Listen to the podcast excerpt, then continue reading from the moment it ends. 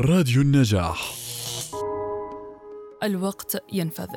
هذا الشعار الذي تحمله منظمة الصحة العالمية للعالم عن خطر مرض السل الرابع والعشرين من آذار من كل عام هو اليوم العالمي للسل والذي يهدف لإذكاء وعي الجمهور بالعواقب الصحية والاجتماعية والاقتصادية المدمرة للسل وتكثيف الجهود الرامية إلى إنهاء وبائه من العالم. وبمناسبة هذا اليوم فإن منظمة الصحة العالمية تدعو الجميع للوفاء بوعودهم من أجل تسريع الجهود الرامية إلى إنهاء السل بغية تحقيق الغايات المحددة في أهداف التنمية المستدامة واستراتيجية منظمة للقضاء على السل.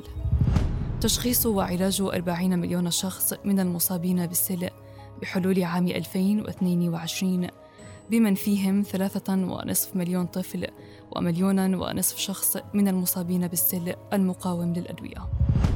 توفير العلاج الوقائي من السل لما مجموعه 30 مليون شخص بحلول عام 2022 لتمكين الأشخاص الأكثر عرضة للخطر. من الحصول على هذا العلاج بمن فيهم 24 مليون شخص من أفراد الأسر المخالطين.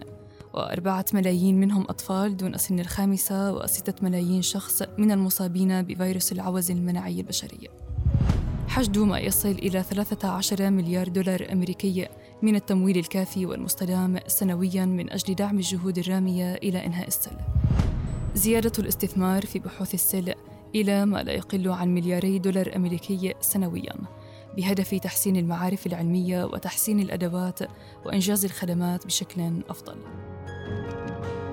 ستبقى البشرية تعاني الأمراض ما لم تجتمع جهودها للقضاء عليها.